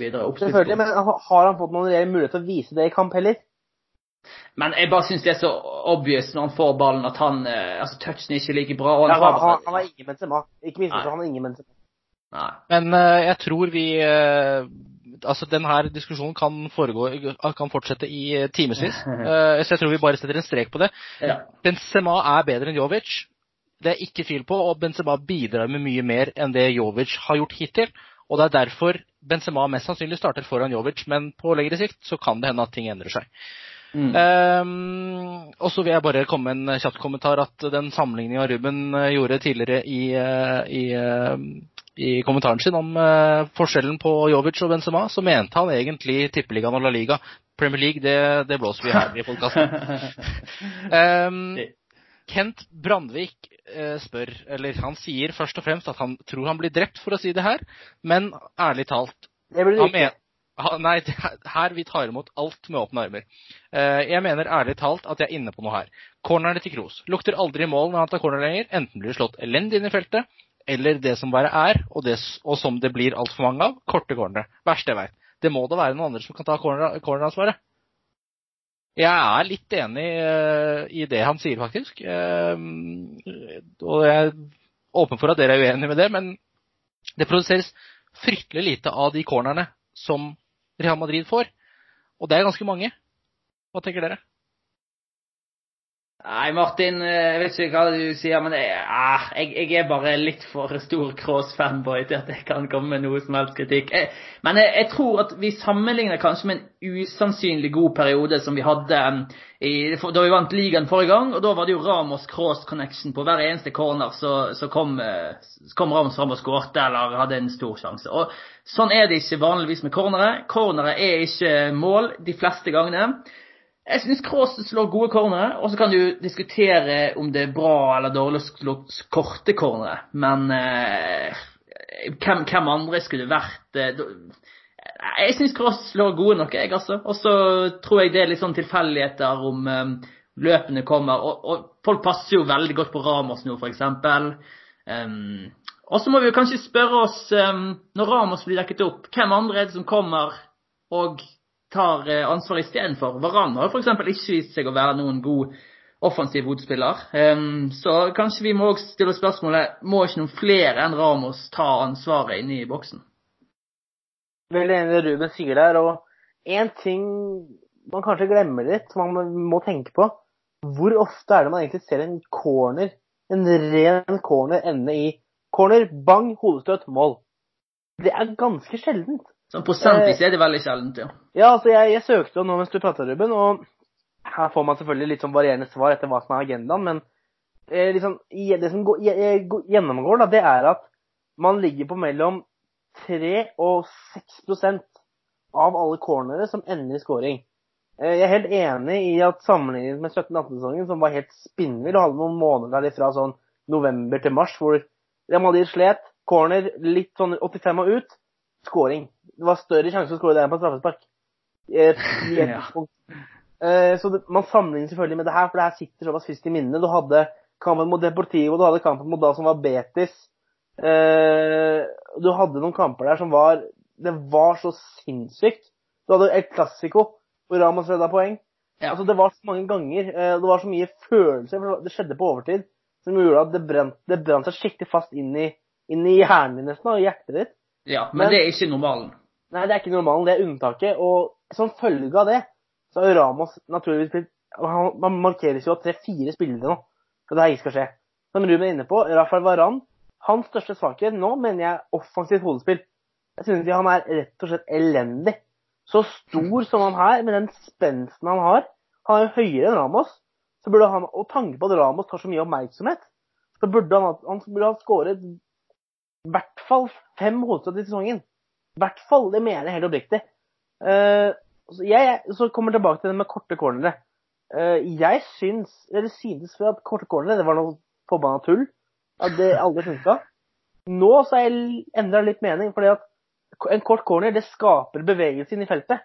Og når da spillere som Ramos fra før av er så godt markert, så skaper det i det minste noen få prosenter større sjanse for at når den ballen dukker opp inn i feltet, så kan han gå til Ramos. Eller at noen bak Ramos ikke er dekka fordi at folk drar på Ramos. Det skaper litt mer kaos, men um, Men jeg skal, jeg skal, ikke utelukke at cornerne til Cross har blitt litt uh, dårligere. Altså, det det syns jeg er vanskelig å måle, men uh, ja. Det, det, det, er vanskelig å skåre på corner. Som du sa, Martin, var det 3-5 du sa? Uh, jeg det vil si at, jeg har følt litt ut på at det er stort sett det som går igjen. 100 corner er tre mål. Altså For å si det sånn, det, da kan det føles som at eh, sant? Hvis det er det som er snittet, det, det, er ganske få. Det sier litt om hvor vanskelig det er å skåre på corner òg. Vi tok over i forrige episode hvor det var en som hadde som Panenka de skulle få over ni corner var det kampen eller noe, mot, mot Leganes. Mm. Og, eller det var totalt Nå husker jeg ikke helt, totalt, men uansett, poen, ja, poenget er uh, Real Madrid fikk i alle fall ni corner i den kampen, det husker jeg. Si i snitt at Real Madrid får sju cornere i hver eneste kamp. Og det skåres ikke veldig mange mål på corner. Og da, Derfor så kan det prosentet med mellom 2 eh, og ja, 5-6 det kan stemme ganske godt. Nå mm. forventa jeg meg skikkelig regnestykke av det. Syv kamper, cornerløpet kamp, 3% i hvert fall. Ok, men uh, da var uh, man delvis enig og delvis uenig i det Kent Brandvik sier. Og, Hadde Martin uh, sittet ved roret i Real Madrid-garderoben, så hadde Kroos fortsatt å ta corneret. Ja, eh, ellers så er, hadde det vært en nostalgisk Martin som hadde sagt at nei, Modic. Vi tar Modic, da høyre side. 92-48. Der har vi eh, Jeg måtte faktisk kjøpe meg nye jobbbukser pga. det målet der. Der Jeg hadde storåp storåpning på Elkjøp, og så hadde vi stengt butikken. Og jeg skulle rett før jeg skulle hjem, så, for jeg tenkte at denne kampen er tapt. Så så, så jeg ved TV-avdelinga, det er sånn 20 TV-er med kampen på. Og så kommer målet, og jeg løper og sklir bortover gulvet, og så ble høl i knæra på, på buksa. Men det jeg helt ærlig mener, er at eh, jeg syns Kroos han slår ikke sånn kjempecornere, men lar det gå igjen på bevegelsen i feltet og veldig mange andre faktorer. Men når James Rodriguez er på banen, syns jeg han skal være fus i corner, frispark, innrette frispark, straffespark Kanskje ikke straffer, men det aller meste. For dødballsfoten hans mener jeg er noe helt, helt eget, som Real Madrid ikke har noe, noe tilsvarende av, egentlig. Enig. Og- bare for å skyte inn, Hazard også er jo eh, god på dødballer, men ikke sånn, han er jo ikke spesialist. Men eh, jeg, jeg ser gjennom listen her hvem andre skulle vært. Det er ikke så mange andre, andre enn de vi har nevnt nå, tror jeg. For å si sånn, får sikkert Lucas Vazquez som tar corner, så blir alt eh, løst. Casemiro og Ramos skal ikke ta frispark, i hvert fall. Eh, vi går eh, videre, fordi vi har nå snart bikka timen på lyttespørsmål. Eh, og da kommer jeg til å kutte litt av spørsmålet til Markus Hansen Haaland. Kult å ha nesten samme etternavn som en fantastisk spiller i Leipzig. Marcelo versus Mendy, den har vi vært igjennom. Så kan vi sp- spørre hvorfor spiller ikke Militao mer? Er det noen som har noen tanker rundt akkurat det?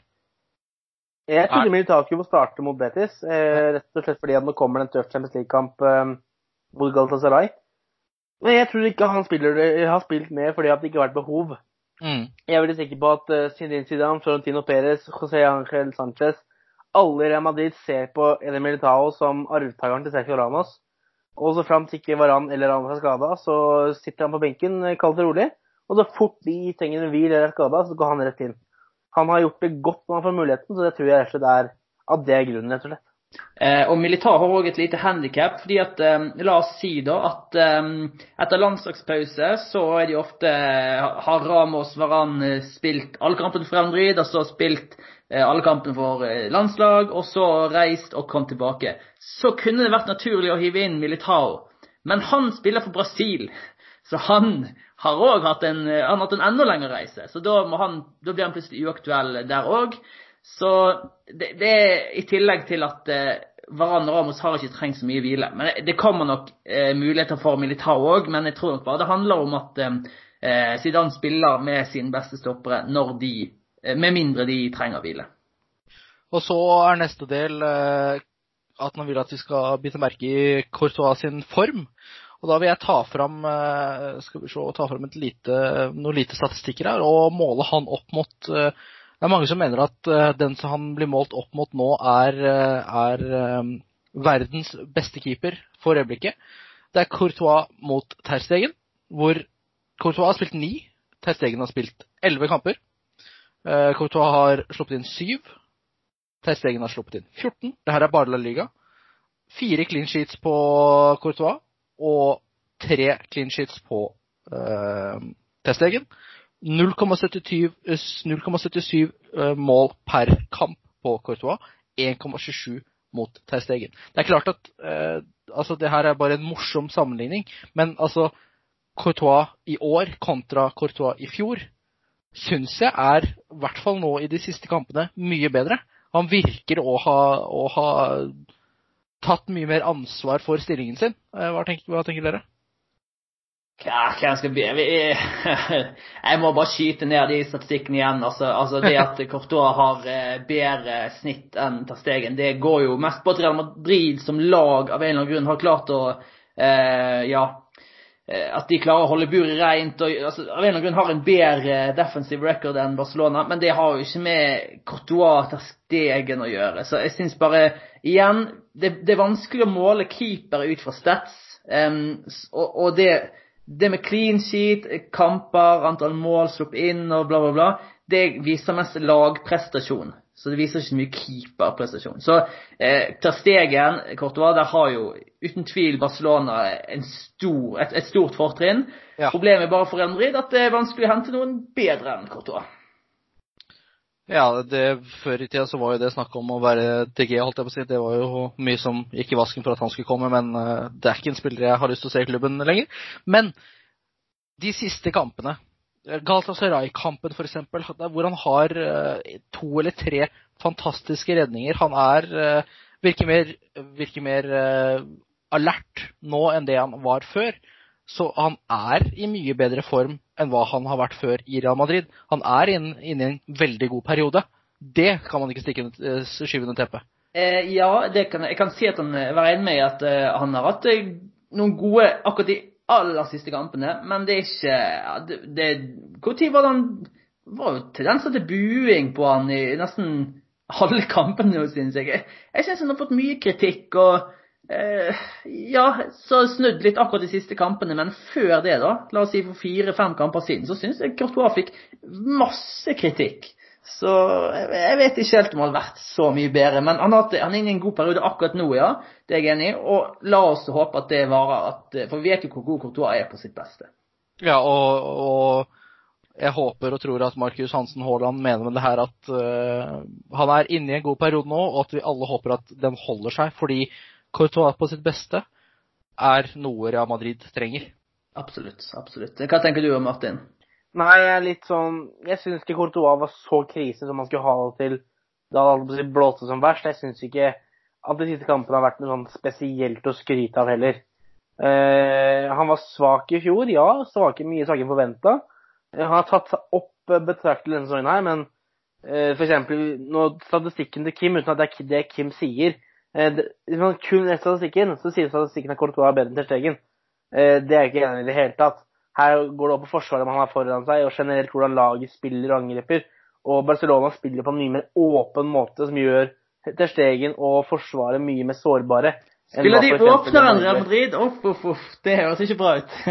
Nei, ikke sant. Og det, Det sier jo litt om, sier jo litt om hvor god Ter Stegen faktisk er, med tanke på hva han har levert de siste årene, basert på hvor åpent Barcelona spiller. Helt riktig. Men altså eh, Courtois har blitt bedre, ja. Men eh, jeg syns fortsatt ikke at han holder eh, nivået til førstekeeper i Madrid. Så du vil heller se Areola foran eh... Nei, jeg vil Nei. se en helt annen keeper, men jeg syns heller ikke Areola holder det nivået. Men hvem, hvem, hvem da, Martin? Hvem vil du gå ut på markedet og hente nå? Som jeg sa da han var ledig på markedet i fjor sommer, Alison Becker. Ja, men nå, eh, nå er det jo Ja, hvis du skal Nå var det helt umulig. Men jeg var veldig glad på forrige sommer da Real Madrid tydeligvis skulle ut på keeperjakt. Han var ledig, Courtois var ledig. Gå for Alison Becker, sa jeg da. Og ja, nå kan jeg si, da. Hva var det jeg sa? Ja, men akkurat den diskusjonen har vi hatt før, og ja, du fikk noe rett, kan du si sånn, men det var jo faktisk snakk om da hente Alison, som hadde én god sesong bak seg, eh, sånn skikkelig god i hvert fall, jeg kan ikke, ja, da, uansett, Kont for 70 mill, kontra Thibaut Courtois på 35 millioner euro, altså på halv pris, som har stått så bra for Atletico, for Chelsea og for Belgia, på en måte så virket det som en no-brainer, men eh, nå i ettertid så, så kan du si du fikk rett sånn sett, men det var ikke så klart valg. Ja, jeg er helt enig i det. jeg er helt enig i det. Det er Men liksom Martin, nå, med, men hvis nå- man for eksempel da, i et parallelt univers kunne utløst ukjøpsreturen til Jan Oblak, hadde gjort det i, i blinde. Ja. Hvor mye er det på? 120 millioner euro, om jeg ikke husker det helt feil. Hvis ikke så ble den fornyet nå sist, og da ble den gått av til over 200. Det er jeg litt usikker på. Gamle Oblak? 27 26, 27 Problemet er ikke at eh, altså, problem, eller, Jo, problemet er at det er vanskelig å finne bedre enn Courtois. sant? Altså, hvem skal det være? Det, så, så finnes det noen sånne one season wonders som sikkert blir trukket fram. Jeg vet ikke jeg, eh, hvem det skulle vært. Men, men det blir gambling, og nå har vi tatt valget, Courtois. Vi må i hvert fall få ut den sesongen før vi, før vi begynner. Og Courtois er Ja. jo faktisk ganske ung fortsatt. Ja, så skal man heller ikke Det er som du sa selv, Ruben. Den muligheten Real Madrid fikk forrige sommer med å hente han for 35 millioner euro, og en keeper som da ble kåret til keeper, det er en mulighet man ikke kan la gå forbi. Og som jeg sa da òg, selv om kanskje ikke Courtois lykkes i det, men vi hadde egentlig Jeg var aldri sånn supergira på Courtois. Men uansett hvordan han vil gjøre det, om Madrid, så vil, kan man garantere at han blir solgt med profitt. Mm. Er, Man kan ikke tape rent finansielt på den overgangen. Mm. Men uh, vi går videre. Vi uh, er nå faktisk på en time på lyttespørsmål, og vi har et par stykker igjen. Um, Foretrykker lagoppstilling mot Galatasaray. Da var vi vel egentlig Den har vi egentlig fastslått, uh, for da er det jo Både Hames og Bale er ute. Så da blir det jo Marcelo, Ramos, Varan, Cavahal, Casemiro, Kroos, Valverde, Hazard, Benzema, Rodrigo. Eller? Ja, jo, jeg er spent på om Valverde blir kjørt inn. Er han en starter nå i Zidans øyne, eller er, har, lyst, har Zidane lyst til å kjøre det sikre i hermetegn i Modric? Det, det blir jo spennende. Men jeg ser jo for meg at det må Det, det burde jo bli Valverde ut fra nåværende form. Og eh, ja, på høyre så må det vel Rodrigo. Jeg synes det virker ganske klart, selv om Venicius kom inn og skapte mye uro i, i, noppet sitt. Ja, nei, men eh, og Først og fremst så tenk, tror jeg han tenker mer på hva vår foretrukne er. Så, oh, ja, okay, ja, da, så ja. da må man ikke se på med Zidane-øyne. Da er det våre øyne, på en måte, og da, da er det Valverde og Rodrigo som, Ja. eh, som starter. Ja. Martin, er du enig med oss? Ja, absolutt. Jeg føler litt sånn Dersom Valverde nå får tillit eh, mot Galatasaray, nå mens Jovic, eh, beklager, Jovic Modic er eh, frisk, han måtte, har en kamp i beina, han måtte, er tilbake for fullt, da, det føler jeg er litt sånn statement fra Zidane. For det er en av sesongens viktigste kamper til nå. Og hvis det da ender med at Valverde får sjanse fra start og Modic på benken, ja, det, det er en beskjed som jeg tolker det. Ja. Men at eh, nå, nå har Valverde tilliten, ja, min da, Zidane sin. Mm. Hvorfor kommer ikke Jovic tidligere inn i kamper hvor eh, Real Madrid trenger mål? Det, det er et spørsmål jeg også stiller eh, veldig ofte, faktisk. Hva skjer med at han eh, i 83. minutt blir bytta inn, f.eks.? Eh, jo, jeg, jeg- for meg er det ganske enkelt. Fordi at um, den du er nødt til å ta ut, det er Benzema. Det er Benzema som er Real Madrids klart eh, beste målskårer. Hvis du ser på hvem som skårer flest mål for oss, så er det jo ingen tvil. Ganske stor uh, luke ned til andre plass òg, så vidt jeg husker. Og eh, hvis du skal ta inn og, og spille de samtidig, så må du ta ut en sentral midtbanespiller gjerne, og da blir du veldig sårbar på midten. Så det er For meg så jeg, jeg, Hva skal jeg si? Jovic er en fin spiller å hive innpå. Problemet er bare at du tar ut en spiller som er enda bedre å ha på banen. Sånn jeg Mm. ser det. Ja. Ehm, Markus Hansen Haaland har også stilt spørsmålet hva tenker dere om at spillere forlater kampene tidlig? Hames og Bale. Eh, var de på kampen i det hele tatt? Sånn, Ja, det, de er pålagt å være på kampen ved kampdag. ok. Eh, Det ble gjort en sak av i spansk presse her at eh, litt interne regler fra Real Madrid-garderoben kommer til media. Og det var bl.a. det faktum at de, er, de må komme på stadion på kampdag, og de må være der egentlig så og så lenge før kampen òg, men så vidt jeg kunne se, så var det ingen regler om hvor lenge de må være der. Eh, så er det selvfølgelig naturlig at når du først har dratt til, så er du der stort sett kampen ut, og så har eh, Bale dro vel i det 83. minutt eh, på lørdag, mens Hames dro i det 86. eller noe.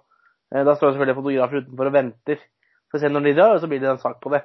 Jeg er ikke sånn kjempefan av at de gjør det. Jeg mener at du skal være til kampen er ferdig. Min personlige mening. Men samtidig, det er ikke verdens undergang om de velger å dra ti minutter før for å slippe rushtrafikken når de skal hjem. Det er, det er menneskelig, og det er for så vidt forståelig. Jeg hadde for så vidt eh, gjort det samme hvis jeg skulle kjøre bil fra, fra Santiago Bernabeu på en lørdagskve, eh, ja, lørdagskveld. Det man nå ikke må glemme, er jo at jeg har sett måte, bilder og videoer fra de kommer til og fra kampene. Og da Altså, det det er ikke noen sota vinduer. Alle kan se Gareth Bale gjennom, gjennom den ruta. Mm. Eh, og klart, Det er jo noen faktorer her med at Si da hvis Real Madrid her hadde tapt eh, mot Betis. Det hadde vært en spiller som Bale man savna skikkelig. Men litt sånn alt det har vært. Så jeg skjønner at det ikke er veldig fristende. Kanskje har du med både barn og, eh, barn og kone i bilen. Det er ikke veldig gøy da å sitte i rushtrafikken der med alle supportere rundt. Noen er kanskje ikke 100 edru. Alle, noen kanskje sinte med det kampresultatet. Jeg skjønner jo godt at de ikke ønsker det eh, for deg selv også. De som Mm. spiller kampen, de skal jo dusje. eh, Så bruker de gjerne litt tid oppe i noen losje på Bernabeu. Så det er en måte, de drar ikke for Bernabeu, i hvert fall ikke for å har gått en god time, om ikke to. Så de er på ingen fare med. Men jeg skjønner de som ikke spiller, og som er såpass store stjerner som både Bale og Kames er, og som kanskje har vært litt i medias søkelys av litt mindre heldige grunner, at ikke de ønsker å bli stående i trafikken der. For at, altså inni en bil, du er i en forholdsvis sårbar posisjon. Ok. Da setter vi en strek på lyttespørsmålene. Håper eh, alle er fornøyde med hvordan vi har eh, tolket dem og besvart dem. Vi går videre til eh, det Martin har gleda seg mest til, og det er ukens fun fact. Ja, Eh, det var bemerkelsesverdig lite å ta fra den kampen her. Eh, det skjedde jo altså ingen mål, det er liksom ingen målstatistikker, da blir det begrensa. Men eh, denne gangen så er jeg faktisk variert. Jeg har ikke henvendt meg til Mr. Chip. Han hadde ikke noe særlig interessant. Jeg har funnet en annen, det er Pedrito Numeros, eller Pedro Martin, en spanjol. Eh, han har på en måte en oversikt her, eh, og jeg må bare si det før jeg går inn på hva det er for noe, at det her er jo da ekstremt subjektivt, ekstremt satt på spissen. Eh, og det er heller på ingen måte noen klage, alt er gjort riktig, men han har satt opp en tabell med et lag som har tapt mest poeng pga. endringer gjort av VAR. Der har Real Madrid tapt fire poeng, mens Eibar og Valencia tapt to. Og det er de lagene som har lidd mest av VAR. Og da går han ut fra at Real Madrid da tapte to poeng i at det ikke ble eh, noe scoring til Hazard. Det er jo da en scoring som først ble dømt scoring, hvor da VAR senere går inn, sjekker, og så dømmer offside, fordi at ikke linjedommeren fikk det med seg. Eh, og så var det en kamp til hvor det samme her skjedde. Og Det var da bortekampen mot Villarreal, hvor den første scoringen til Villarreal ble dømt offside. Eh, men så ble eh, kamp, eller, eh, beslutningen gjort om, og scoringen står. Og den kampen endte jo 2-2 uten den scoringen. 2-1-seier til Real Madrid. Der altså Real Madrid tapt fire poeng og ville da lede La Liga hvis man hadde fått de fire poengene. Så det var interessant fakta, men ikke bruk det her som noe, go noe godt argument i diskusjoner om at Real Madrid eh, blir hatet av VAR, at eh, La Liga hater Real Madrid, at eh, VAR er urettferdig. For at det er til slutt havner på de riktige beslutningene. Men det er litt interessant å få med seg at det har vært litt marginer mot denne sesongen her. Og så kan man da gå videre til deres, eh, dere lytteres del i podkasten, og det er panenkaene som klarer å tikke inn i løpet av kampen. Ja, jeg må bare først si det at uh, folk har blitt veldig kreative og flinke når det kommer til disse panenkaene. Mm. Jeg leser jo da gjennom en gang før kampen for å se om noen å følge med på, og, og selvfølgelig etterpå når jeg legger inn poengene. Jeg syns folk tipper bra. Det er solide spådommer. Denne runden her var det kun én Panenka som gikk inn. Det var Erik Bråten. Nå har ikke jeg noen kjempeoversikt her over hvem, hvilke banenker som har gått inn, men jeg føler at uh, han Erik har fått inn i hvert fall to til, uh, som jeg føler jeg ofte sier navnet hans. Uh, det er da Real Madrid får en scoring annullert. han nevner ikke noe om hva, han nevner ikke noe om hva, men han nevner at Real Madrid skal få en scoring annullert i løpet av kampen. jeg personlig syns det er en ganske sterk påstand, for det er absolutt ikke sånn at det her skjer hver kamp. hva tenker dere to andre? Ja, altså, den er ikke, den er ikke dårlig. Det er det ikke. Uh, jeg tenker tre-fire, kanskje. Ja, Ruben, hva tenker du? Kanskje akkurat en til. Altså nøyaktig. Det var få annullert Scoring. Real Madrid får en scoring annullert. Bare en, altså bare Ja, så Det, er, det skjer ikke ofte. Nei, det skjer ikke så ofte, det. Men uh, ja. Jeg tenkte litt over når jeg hørte på jeg hørte litt, tenkte da når jeg hørte på den poengutdelingen. eh, Jeg vet ikke om vi Det blir jo ofte sånn to, tre Så jeg vet ikke om Men jeg tror ikke, jeg tror ikke vi er for strenge heller. Det, det, skal jo litt til for å få poeng. Men det er tre poeng her, ja. Du kan si, si Hvis vi gir tre poeng for denne her, da, så hadde du i hvert fall fått fire, om ikke fem, hvis det hadde vært nevnt via VAR. Så hadde du fått Ja. i hvert fall én til to ekstrapoeng hvis du hadde nevnt f.eks. for offside, for angrep på keeper, Ja. Ja. whatever. ja. Jeg tenker tre poeng her. Hvis dere er enige, så går vi for det. Ja, Da går vi for de tre poeng der. Og da kan vi jo fortsette videre på eh, kan jeg ta uttalelsen denne gangen her, Kim? Liga de Predicción. Det er da neste La Liga-kamp, eh, som da er Eibar borte på Iperoa. Et sted hvor det er verdt å nevne Real Madrid tapte 3-0 forrige sesong. Det var også første tapet de hadde mot Eibar i historien. Og da Jeg kan begynne da med min, eh, min spådom for kampen. Jeg tror det blir borteseier. Jeg tror det blir jevnt. Første målskårer det tipper jeg blir Karim Benzema. Jeg tipper Real Madrid vinner 1-2, altså en jevn kamp. Eh, Panenka tror jeg blir Eden Hazard. Nei, ka- kapteinen tror jeg blir Eden Hazard. Beklager. Panenka det er det eneste jeg har latt stå. Den skulle komme til meg litt sånn mens jeg tok resten av spådommene mine her. Tok du første målskårer nå? Ja, det ble Karim Benzema. 25 Ja, ja, ja. ja, ja, ja. Panenka, den blir eh, Eden Hazard. Skaffe straffespark. Det blir blåst. VAR går inn og anbefaler dommer å se på skjerm. Det blir omgjort. Hazard blir for gult for filming. Den er bra, da. Da blir ikke min så bra i forhold, men eh, jeg hadde ganske mye likt som deg her. Jeg hadde 2-1-seier til eh, Real Madrid. Og så hadde jeg første målskårer Hazard. Jeg glemte å skrive opp minutt, men jeg kan ta 30, altså 30, minutt 30. Kapteinen Hazard, og så Panenka Courtois redder straffe. Den får en fortsetter oppturen for eh, belgieren. Det her blir fryktelig kjedelig. eh, Har du òg 2-1, Hazard og Ja. Jeg har to- jeg 2-1 eh, 1-2 da, til Real Madrid. Jeg har Hazard som første målskårer i 13. minutt. Kapteinen min er Kroos, faktisk. Og Panenka min er at Kroos avgjør kampen etter 80. minutt med langskudd utenfor. Ja, det, Enten vinner alle, eller så taper alle, da, tydeligvis. Ja. Det, det er masse poeng å hente, eller null poeng å hente. Da kan vi gå videre til ukens refleksjon. Og Ruben, eh, vi har jo stjålet din litt, men eh, du kan jo få lov til å ta den likevel. Ja, altså, for det jeg skulle si, da, det var at eh, vi gleder oss litt over å se generasjonsskiftet nå. Vi har sett mange av de samme spillerne over lengre periode. Nesten uendret startelver eh, etter en femårsperiode. Så vi gleder oss litt over generasjonsskiftet. Men jeg vet ikke helt om det blir så smertefritt som vi har sett for oss. Og da er det egentlig spesielt Marcelo og Benzema som jeg vil trekke fram. Fordi at eh, det er jo det jeg har sagt. Når jeg ser Jovic komme inn, så er det klart at han vil gi oss en, annen, en annen spillestil, en annen, eh, andre kvaliteter.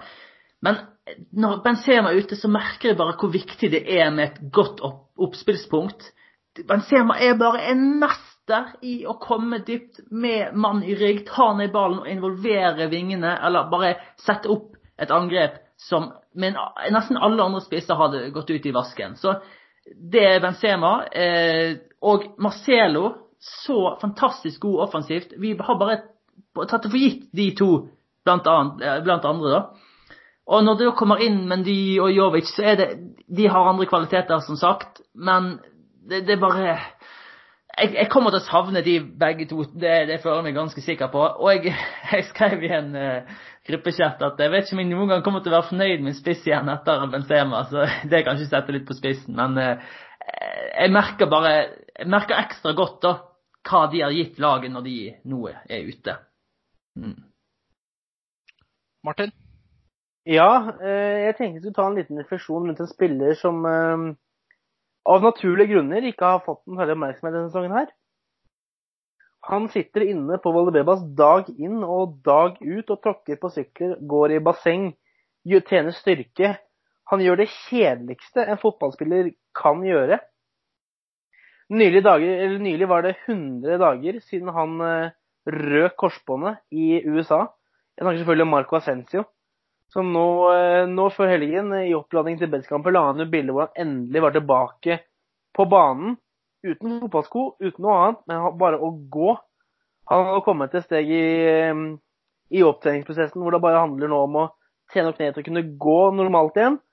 Og bare det og Jeg så også en del av eh, pressekonferansen, ikke pressekonferansen, men pressedekningen fra den siste treningen på fredag formiddag før Bedskampen. Og det å se Marco Asensio sitte på benken da på Valdebebas og bare sitte og se ut på ja, kompisene, eh, lagkameratene, kollegene hans, som kan gjøre det de elsker mest, det han har aller mest lyst til i hele verden å gjøre, nemlig spille fotball. Det var litt sånn litt vondt. Samtidig, du veit at for hver dag som går, så er han ett steg nærmere å komme tilbake. Jeg kan ikke beskrive med ord hvor mye jeg gleder meg til å se han tilbake i Real Madrid igjen på ute på Santiago Bernabeu. Min eh, går litt på, på det du nevner, Ruben. Eh, Jeg har tenkt litt på det i det siste med tanke på, i hvert fall når jeg leste på Twitter eh, etter kamp og i dag, angående det med Det var litt av den diskusjonen du hadde med noen angående Mendy og den, eh, den offensive delen hans. Mm. Og det er, det er rett og slett det at uh, nå er vi i 2019, ikke ja, si, ikke 2012. 2000, 1990 ja. Nei, altså, det, det, som, det som behøves av fansen i dag, er å ikke bedømme nye spillere basert på hva de de skal følge etter, har gjort, men heller bedømme spillere på deres deres styrker, deres ferdigheter, hva de er gode til. For at, at uh, Menty ikke er god offensiv, kan fortsatt bidra til veldig mye defensivt. Det kan fortsatt hjelpe i så mange situasjoner. Uh, Militao, Hazard, Jovic. Bare vær litt mer nøytrale på nye spillere, og ikke krev at de skal være den spilleren de skal ta over etter. Det er, det er mitt syn på, på denne uka her. Mm. Ja, det er bra, det. Da har vi om 15 sekunder landet på en halvannen time. Eh, Mm. Det blir mer og mer sånne og sånne episoder, og det er kun av én grunn, og det er takket være alle dere der ute som hver eneste uke hører på denne podkasten, og hver eneste uke kommer med så vanvittig gode spørsmål som vi, vi klarer ikke å dy oss. Vi må bare sitte og prate og prate og prate. Det er et godt tegn da, når det blir lange episoder. Da betyr det at eh, det har vært mye å snakke om. Ja, det er som du sier, det er pga. spørsmålene som eh, kommer inn. Nå var det, var det 14 kommentarer jeg så på innlegget. Det er ikke, det er ikke dårlig, det, altså. Nei. Og det, det er mer og mer eh, standarden nå. Mm. Hver eneste uke. At man får Enten så får man 14 kommentarer eh, med litt kortspørsmål, eller så får man tre kommentarer med veldig fyldige spørsmål. Mm. Det er alltid noe å ta tak i. og Det, er alltid, det blir mye mye lengre episoder. I fjor så spilte vi inn eh, episoder hver eh, Andre uke. an, andre, tredje uke. Når vi hadde mulighet, og landet på halvannen time. Og vi eh, bestemte oss for å spille inn hver uke, altså etter hver kamp denne sesongen her. Hver, hver ligakamp, riktignok, i denne sesongen her. Men var veldig redde for hva, hvor skal vi hente innholdet fra. Men takket Mhm. være alle dere som da lytter der ute, Mm. så har vi faktisk eh, hver eneste gang levert minimum en time med god podkast. Og så husker jeg eh, da jeg kom inn som skribent i, eh, i eh, realmadrid.no i 2012, så husker jeg det var Bendik Eftang da som var redaktør. Og da sa han noe som bare har printet seg inn i hjernen min. Og han sa det at um, når det gjelder Real så er det alltid noe å snakke om. Så det, og det har han jo 100% rett i. Det, det er jo det som er litt fantastisk med å være Real Madrid-supporter. Jeg vet ikke hvordan det er å være supporter av andre klubber, men Real Madrid så er det er liksom såpeopera-tendenser av og til. sant? Altså Det er alltid en spiller som blir eh, hetset, eller en spiller som har gått litt for tidlig fra kamp. altså Det det er alltid noe å ta av, da. Så Mm. det er jo det som er fordelen med å være Real Madrid-supporter. Eh, og ikke bare takk til lytterne, men takk til eh, dere som eh, har eh, vært med meg her i dag. Jo, likeså. Eh, og til neste gang, ha det bra. Ha det bra.